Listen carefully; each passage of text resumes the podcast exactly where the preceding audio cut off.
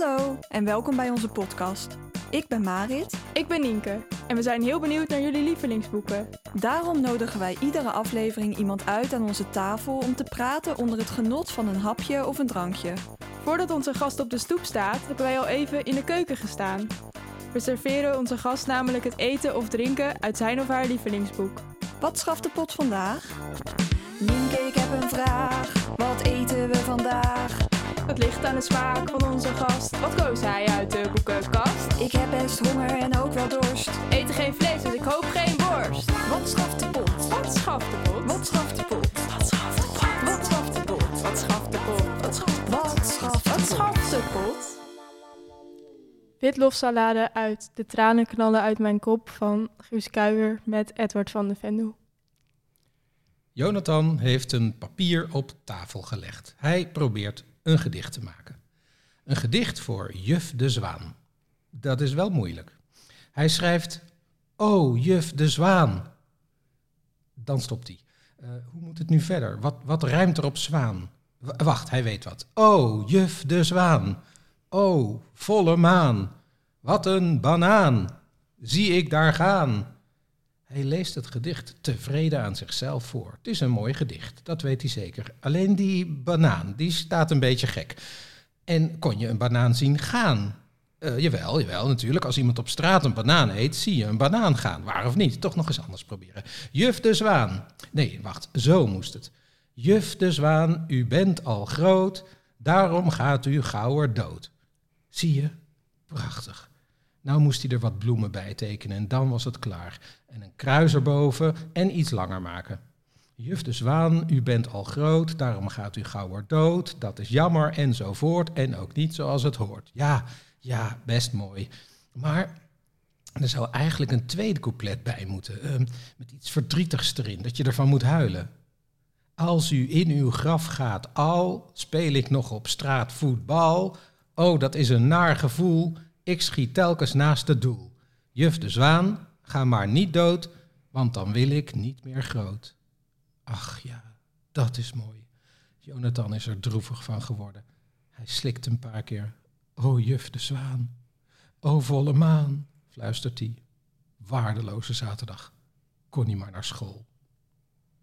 Eh, dit, was uit een, dit was een fragment uit De tranen knallen uit mijn kop, voorgelezen door Edward van de Vendel. En het boek gaat over het jongetje Jonathan. En Jonathan is een hele gevoelige jongen die verliefd is op zijn juf. En er komen de hele tijd verhalen in zijn, in zijn hoofd. En dan lees je weer een verhaaltje en dan lees je weer hoe het met Jonathan gaat en ehm, zijn gevoelens voor de juf. En dit boek is het eh, lievelingsboek van kinderboekenschrijver Edward van de Vendel, die in Amersfoort woont en waar wij vandaag ook op bezoek zijn. Ehm, Edward van de Vendel heeft veel prijzen gewonnen, onder andere de Woutertje Pieterse prijs, een zilveren griffel en de Anna Blaman prijs. En daarnaast heeft hij ook prijzen gewonnen voor zijn vertaalwerk, want niet alleen schrijft hij zelf kinder- en jeugdliteratuur, ook vertaalt hij uit andere talen. Hij schreef in 2005 het Kinderboekenweekgeschenk, Wat rijmt er op puree. En onlangs is er een nieuw boek verschenen, Het Bamboemeisje, wat een hervertelling is van een Japans volksverhaal. In 2019 was hij gastschrijver aan de Rijksuniversiteit Groningen. En Nienke heeft hier ook het gastschrijverschap gevolgd. Dus uh, voor Nienke is dit niet de eerste ontmoeting met Edward van de Vendel, voor mij wel. Uh, Nienke vertelde dat er ook een college ging over het Songfestival uh, destijds. En daardoor weten we dat Edward van de Vendel ook groot fan is van het Songfestival. En schreef daar vorig jaar ook een boek over. Ja, en het Songfestival is nu net achter de rug. Had je eigenlijk ook een favoriet? Oh ja, heel erg. Ik ben uh, overigens ik vind dat moeilijk om te zeggen dat ik fan ben van het Songfestival, omdat er zoveel aspecten aan zitten die ik dan weer niet zo leuk vind. Dus ik hou niet zo van de campachtige kant. Maar dit jaar was een heel, heel, heel, heel, heel goed jaar. En ik had een heleboel favorieten. En mijn twee grootste favorieten kwamen ook in de top drie. En dat was Zwitserland en vooral Italië. En die wonnen.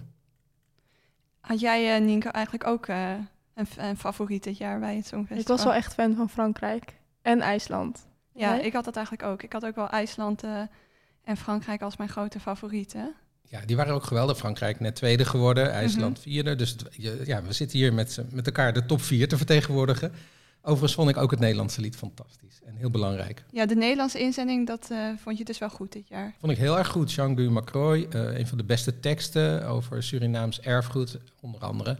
En over hoe we trots kunnen zijn op dat wat anderen hebben bereikt. Dus het was een geweldig belangrijk lied. Het heeft heel weinig punten gekregen. Nul van het publiek uit andere, andere landen.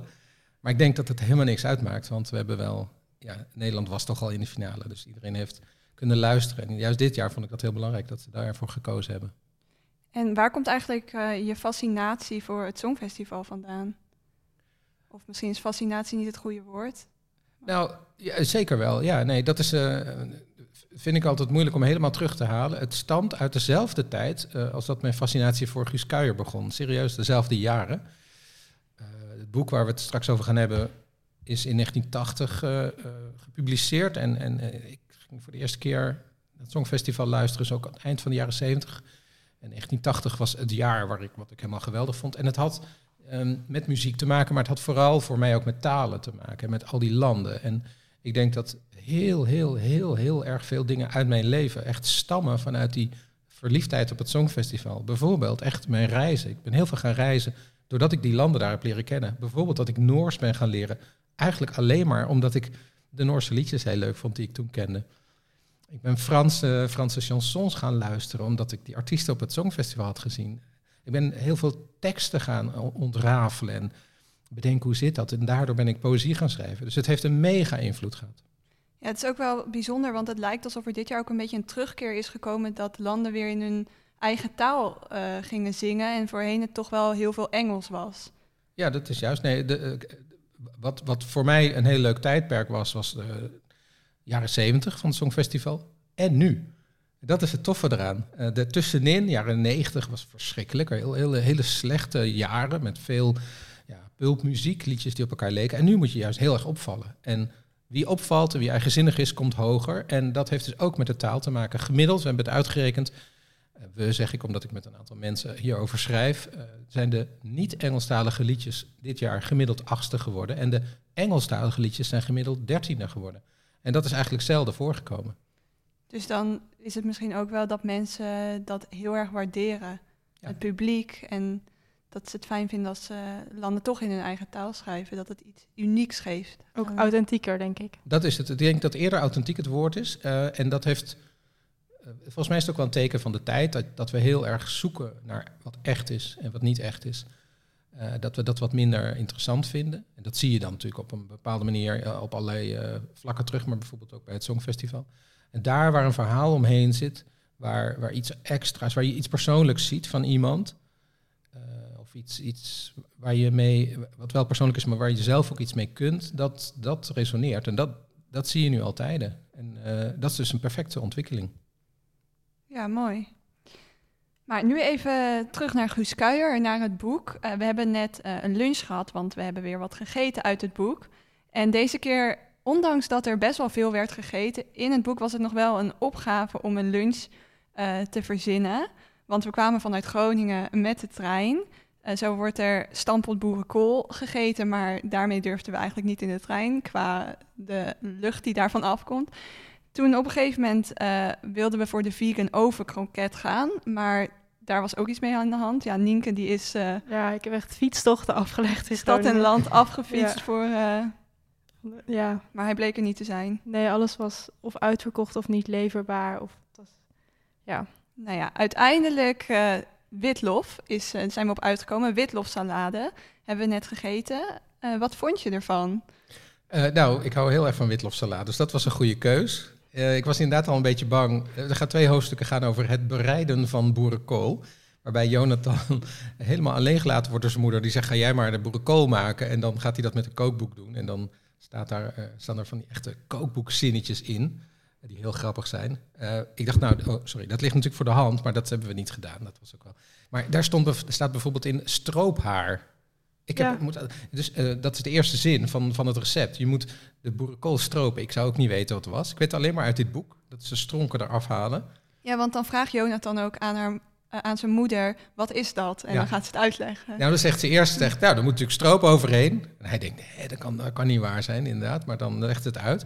Maar wat heel grappig is, dat heb ik ook altijd onthouden als een soort grap in mijn hoofd, is dat hij dan zegt stroophaar, haar. Boerenkool is dus een meisje. Ja. Ik moet echt heel vaak die zin.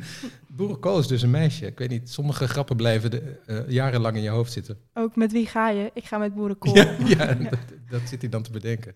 Ja. Ja, nou je zegt dus nu al dat het eigenlijk eh, heel vaak een heel grappig boek is. Ja. Maar wat maakt dat het je lievelingsboek is? Wat maakt het zo'n goed boek voor jou?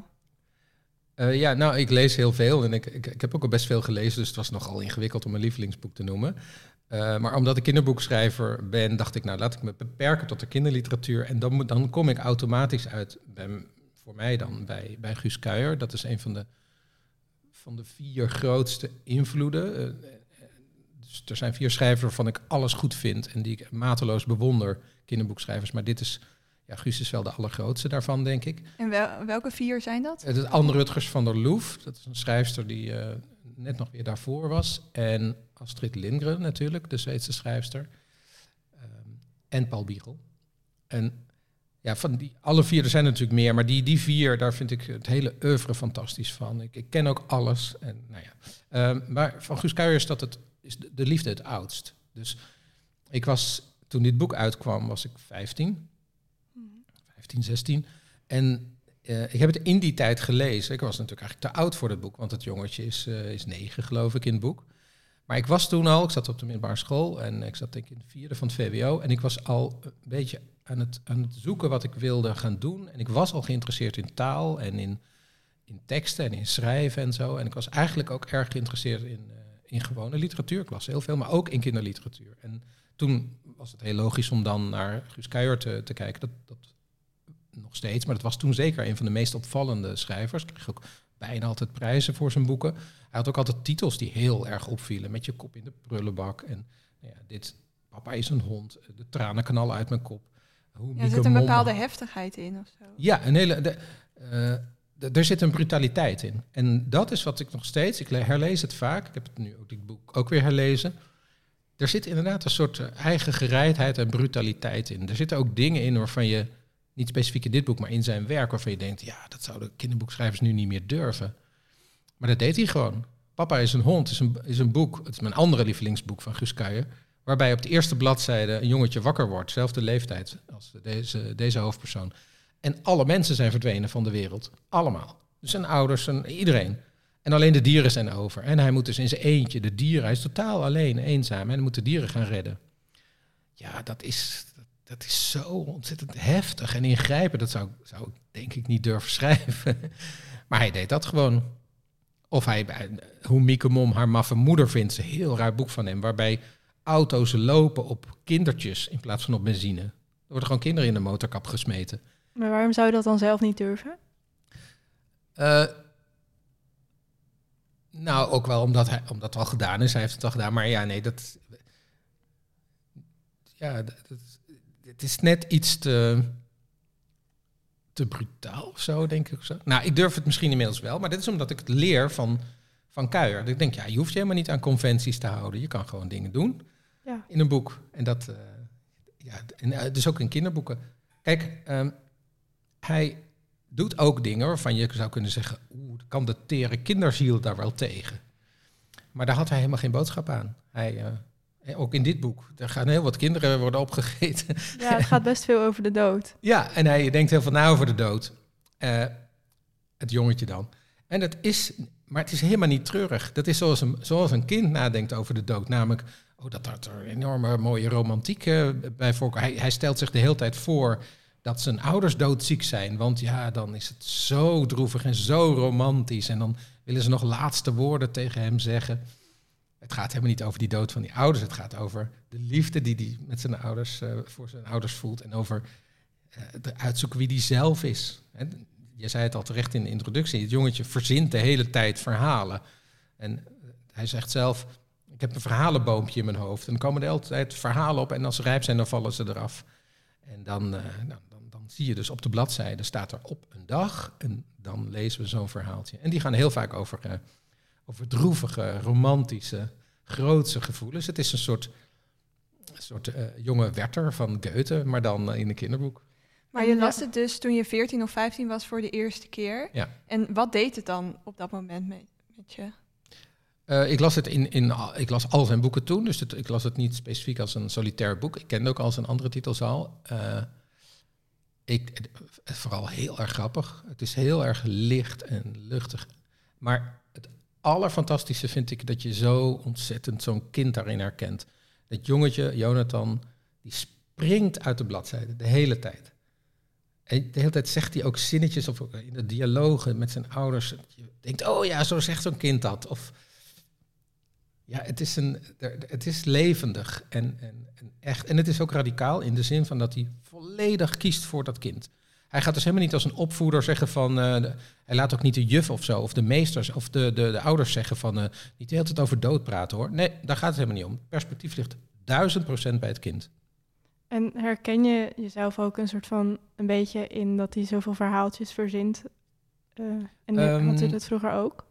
Ja, nou ja, ik herken zeker de dromerigheid. Het is niet zozeer, ehm, denk ik, dat, hij, dat, dat Jonathan een schrijver gaat worden of zo. Maar er wordt ook wel tegen hem gezegd van, hij is wel heel dromerig. Nou, dat denk ik dat ik dat heel erg had. En ik denk ook altijd eh, dat, eh, dat verhalen en de literatuur heeft nog steeds, eh, heeft me altijd voorzien van allerlei extra werelden. Waar ik ook in kan leven, en waar ik ook mezelf in kan voorstellen en dingen van kan leren. En dat doet Jonathan ook. Alleen hij doet het op een hele luchtige manier. Maar heb je als kind, had je dan ook al dat er ineens verhalen in je hoofd kwamen? Dat denk ik niet zo. Ik, ik denk niet dat ik ooit als kind, zelfs niet als jongere, heb gedacht dat ik schrijver zou gaan worden. Dat niet. Nee, het is meer dat ik ze tot me nam en dus heel veel las. En ook wel poëzie las, maar niet... Nou, ik wilde wel liedteksten gaan schrijven voor, eh, voor, voor, voor artiesten. Dat, dat was dan het, van, vanwege het Songfestival was dat het meest dichtbij. Ehm, maar zelf boeken schrijven, nee. Dat ben ik echt pas later per ongeluk gaan ontdekken. En hoe kwam het dat je dat ineens ontdekte? Eh, nou, dat, dat was op een hele grappige manier. Ik had wel gedichten geschreven, dus ik was wel veel bezig met, met, met versjes en met gedichten. En meestal voor kinderen, omdat ik meester ging worden. Dat was mijn plan. En dat ben ik ook geworden. En Dan kinderliteratuur... op eh, de basisschool. Op een basisschool, ja, ja. Ook eigenlijk volledig geïnspireerd door Guus Kuijer. Door het ander, weer een ander boek van hem, Op je kop in de prullenbak. Wat gaat over, over een heel erg geweldige meester. Ik zag, me dat, ik zag dat helemaal voor me. Zo met zo'n klas en al die verschillende kinderen. En dat zo'n meester dan ja, de, de, de juiste dingen op het juiste moment zegt. Het boek ligt hier. Ehm, en de- zo'n meester wilde ik zijn. eh, die heel veel voorlas. En, en, ehm, maar ik schreef dus wel versjes en gedichten. En die werden wel eens ergens gepubliceerd. En die kwamen uiteindelijk bij, jaren later bij een uitgeverij terecht. Querido, grote uitgeverij. De uitgeverij van Guus Kuijer. Waar ik toen ook eh, mocht, eh, mocht debuteren. Maar die zeiden tegen mij, ja, we zijn niet geïnteresseerd in maar één boek. Dus je moet nog meer boeken schrijven. En niet alleen maar gedichten. Je moet ook verhalen gaan schrijven. Dus ik heb gewoon een opdracht gekregen. En toen gedaan. Ja, en dat en werd toen dacht ik, nou, oh ja, dat, ga ik, dat, dat zou wel geweldig zijn. Ik was eerst volledig, volledig onder de indruk van op die, bij die uitgeverij zijn. En, en inderdaad in soort van voetsporen van, van uh, Guus Kuijer of Annie M. G. Schmid, die daar ook zat, treden. Ook al kon ik mezelf daar helemaal niet mee vergelijken. Maar ja, daar dan zijn. En dan meerdere boeken. Ja, dat is wel een droom. En hoe ontstaan die verhalen voor die boeken nu dan? Is dat ook zomaar ineens? Of?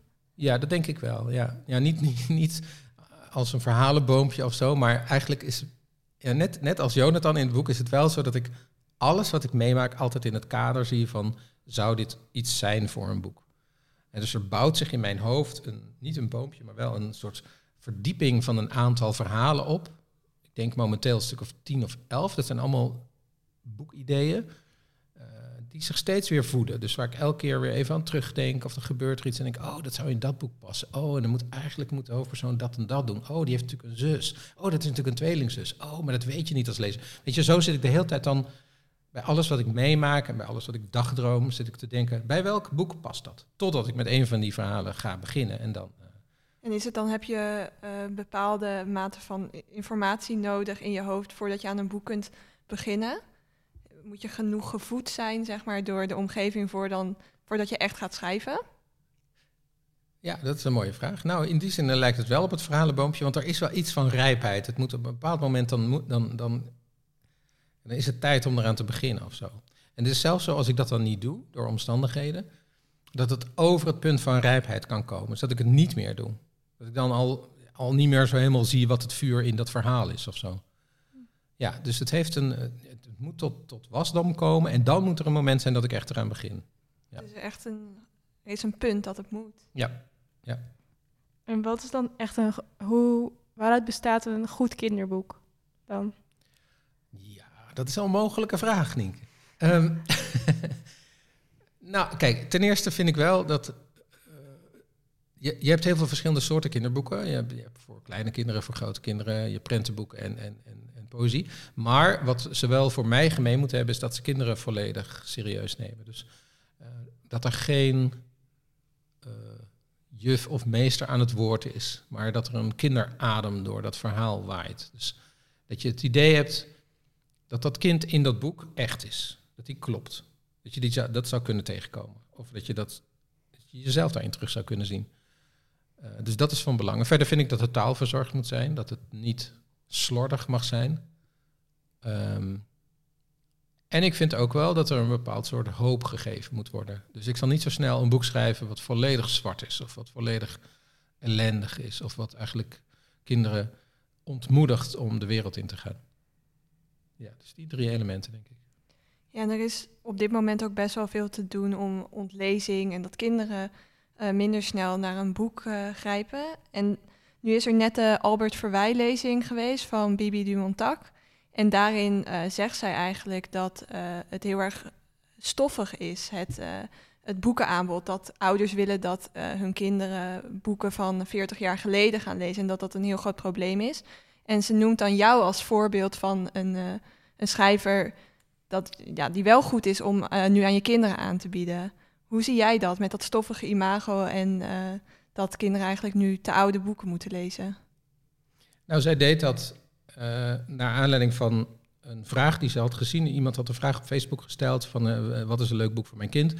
En toen waren er heel veel reacties, 200 zoveel. En daar waren dus bijna allemaal klassiekers van, van 50, 60, 70, 80 jaar geleden. Dus dat gaf aan, volgens haar, en ik denk dat dat zo is, dat mensen eigenlijk niet op de hoogte zijn van wat er is. Van het hele bestaan van de kinderliteratuur, overigens een van de meest bloeiende kinderliteratuurvelden van heel Europa is, misschien wel van de wereld.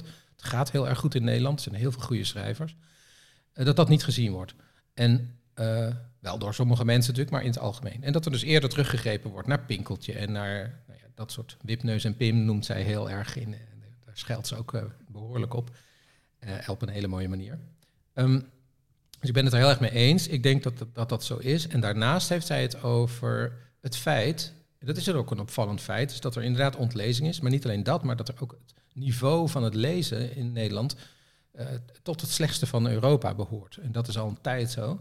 En dat terwijl we een, een, een leesmethode hebben, echt al tientallen jaren veilig leren lezen, eh, die zich beroept op, als, als je met, met onze methode de kinderen leert lezen in groep drie, dan, dan gaat dat veilig, dan gaat dat goed. Dan, ja, dan hebben we helemaal Er zijn een heleboel boeken, methodes, submethodes, technisch lezen is helemaal met AVI-niveau, zodat kinderen alleen maar dat krijgen waar ze net aan toe zijn.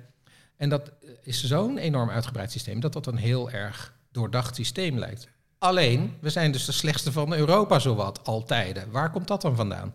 En zij ageert daartegen. En ik denk wel dat dat klopt, omdat dat AVI-systeem, wat op zich goed bedacht is, heeft in zich dat het, dat het alleen maar over technische dingen gaat. En dat het niet meer gaat over de lol die je hebt om een boek te lezen. Er is heel veel onderzoek gedaan naar waarom, hoe gaan kinderen wel heel snel leren lezen. En dat is heel simpelweg, is ook te voorspellen, maar de uitkomst is als ze zin hebben om een boek te lezen.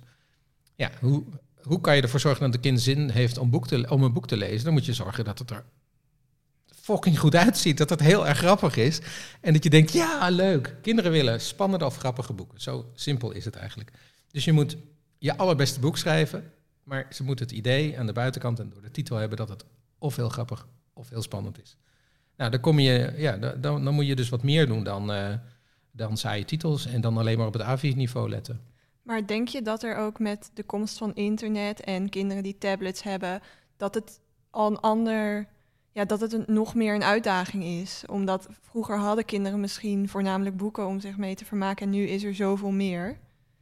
Ja, dat is wel zo, maar dat op zich hoeft dat niet uit te maken. Het zou best kunnen zijn, ik weet niet hoe, hoe, dat, hoe de getallen liggen, maar dat er procentueel in de vrije tijd minder, minder gelezen wordt en procentueel veel meer gegamed, weet ik helemaal niet, wordt dan, dan 30 jaar geleden. Maar ja, hoe cares? Van gamen kan je ook een heleboel leren. Als je fantastische games hebt, dat is dat ook heel goed. Alleen, als er dan gelezen wordt, en natuurlijk ben ik voor het lezen, eh, dan moet je wel zorgen dat, eh, dat die boeken kloppen. Dus dat, dat kinderen zichzelf erin herkennen. Maar ook tegelijkertijd dat je als kunstenaar, als schrijver, je allerbeste boek probeert te maken. En we hadden het daar straks over het Songfestival. En dat nu authentieke liedjes bovenaan komen. Dat vind ik bij de literatuur ook. Wat je wil, is dat je, dat je, dat je aansluiting voelt bij een boek als kind. Maar ook dat je voelt van, oh, je zit een hele spannende schrijver. Ik wil alle boeken van die, uh, van die schrijfster of schrijver lezen. Dat, ja, dat, dat wil je ook. Je wil iets anders dan andere dingen. Want je wil jezelf definiëren. Dat is wat, wat boeken ook met je doen. Uh, iedereen die van lezen houdt, heeft in zijn hoofd zo'n rijtje van boeken die belangrijk voor hem of haar waren. En die boeken die zijn een aspect van jou. Daarmee definieer je, daarmee je, word je in je eigen hoofd een bepaald persoon. Ik ben een persoon dat houdt van die, die en die boeken. Um, daar, daardoor daar wil je geen grijsheid. Want niemand definieert zich met, met, met grijsheid, met saaiheid. En daar zoek je altijd naar de, de, springende onderwerpen, dingen die, ja, waar jij iets mee voelt, maar ook die heel erg goed gedaan zijn. En voor wie denk je dan nu dat er eigenlijk een taak ligt? Is dat iets dat de school niet meer die focus moet leggen op dat veilig leren lezen? Moeten ouders beter op de hoogte zijn van het aanbod van nu? Boekhandels misschien? Ja, nou ja, er zit natuurlijk een, een, een, sprankje verantwoordelijkheid bij iedereen. Ook bij de schrijvers, ook bij de uitgeverijen. Maar het is over het algemeen zo. Daarom was de lezing van Bibi ook zo goed. Die was namelijk heel opvallend en die was heel fel. En die stond ook ingekort in NRC, wat heel fijn was. Um, is dat we moeten opvallen in het algemene media-aanbod. En dan heb ik het niet eens over opvallen naar kinderen, want kinderen zijn hier geen schuld in. Maar het is bijvoorbeeld zo dat toen de Wereld Draait Door nog bestond, die hadden als actieve regel dat ze geen kinderboeken behandelden. Um, ik weet niet precies waarom ze dat deden, maar daar zit eigenlijk ook een soort minachting van kinderen achter. Zo van ja, dat is niet iets waar wij heel erg mee bezig zijn. Het is niet van, van belang voor ons. En ja, ik denk dat gewoon de, dat wat voor kinderen gemaakt wordt, is uit zicht geraakt. En dat is uit zicht geraakt omdat we niet meer zo bezig zijn met wat kinderen zijn.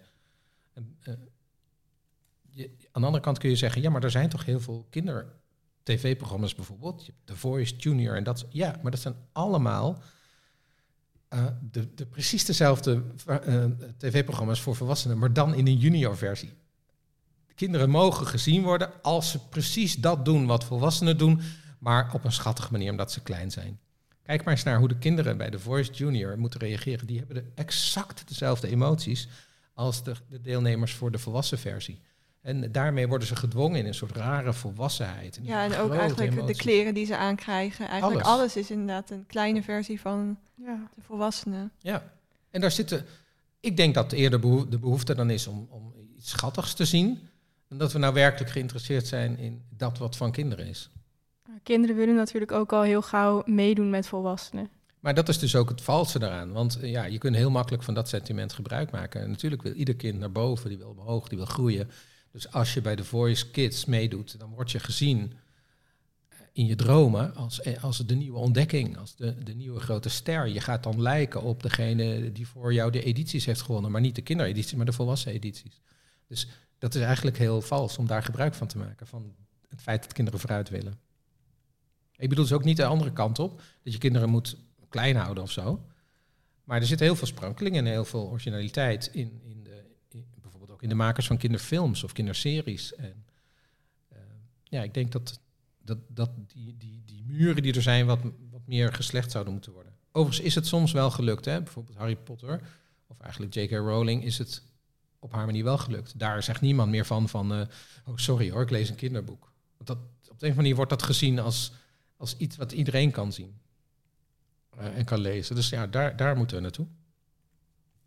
Maar Guus Kuijer heeft in zijn boek dan denk ik wel um, dat geraakt wat jij zo mooi vindt, dat het echt om het kind draait. En dat het niet een kleine versie is van een volwassene. Um, je had zelf volgens mij nog een fragment wat je graag uh, wilde voorlezen. Ja, het, uh, ja ik kan el elk hoofdstuk wel voorlezen. Ik kan het hele boek voorlezen. Maar dit, dit is het hoofdstuk Zinnetje, heet het. En eh, ja, daar, daar heeft eh, Jonathan een gesprek met zijn vader en daar zie je weer zijn romantische inslag. Wat lees je daar, papa? vraagt Jonathan. Fred, dat is de vader, kijkt op van zijn boek. Ik lees een boek over een expeditie naar de Noordpool.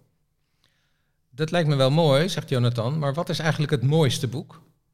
Dat weet ik niet, zegt Fred. Iedereen heeft zijn eigen mooiste boek. Ik heb het mooiste boek nog niet gelezen, vertelt Jonathan. Ze zijn even stil. Waar zou jouw mooiste boek over moeten gaan? vraagt Fred. Over een vader en een jongen. Die beleven een levensgevaarlijk avontuur. Fred knikt. Heel mooi, zegt hij. Hoe gaat dat avontuur?